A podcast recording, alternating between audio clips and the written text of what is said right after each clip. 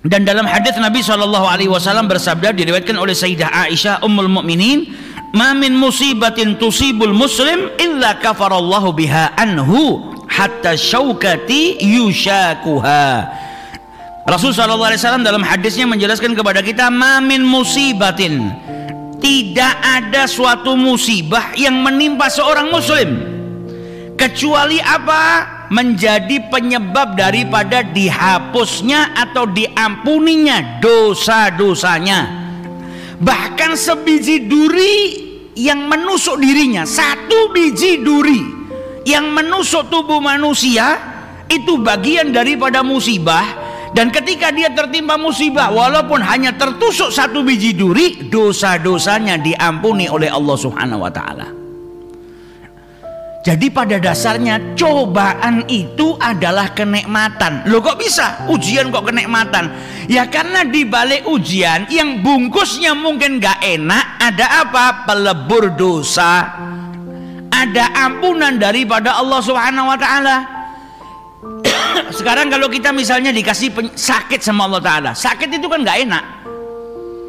Sakit itu kan gak enak, tapi di balik musibah yang menimpa diri kita ada apa? Ampunan daripada Allah. Ampunan enak atau tidak enak? Ampunan enak. Ampunan kenikmatan atau bukan kenikmatan? Ampunan adalah kenikmatan. Berarti terkadang bungkusnya nggak enak, tapi ternyata itu adalah kenikmatan daripada Allah Subhanahu Wa Taala.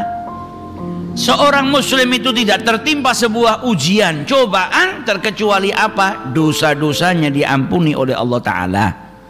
Dan dalam hadis ini para ulama menjelaskan uh, bahwasanya musibah di sini sawaun kana saghira au kabira. Mau musibahnya kecil mau musibahnya besar, kalau seseorang itu tertimpa musibah, cobaan, ujian daripada Allah, maka ujian tadi menjadikan dosa-dosanya diampuni oleh Allah Subhanahu wa taala. Namun di sini apakah seluruh dosa manusia diampuni dengan tertimpa musibah, tertimpa ujian? Zahir hadis, zahirnya hadis mengatakan dosa-dosanya diampuni. Tapi jumhurul ulama mengatakan dosa-dosa yang diampuni adalah dosa-dosa kecil.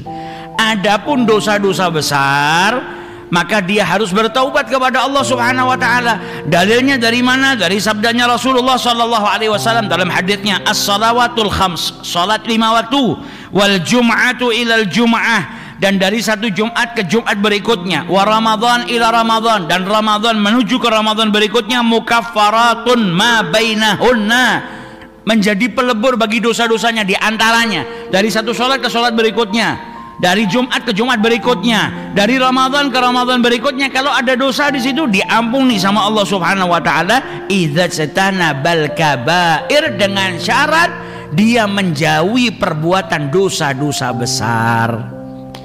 Nah, di sini para ulama menyimpulkan ketika seseorang tertimpa musibah dosanya diampuni, tapi bukan semua dosa, dosa-dosa kecil dosa-dosa kecilnya yang diampuni oleh Allah Subhanahu wa taala. Adapun dosa besar kalau dia mau dapat ampunan dari Allah taala ya dia harus bertaubat.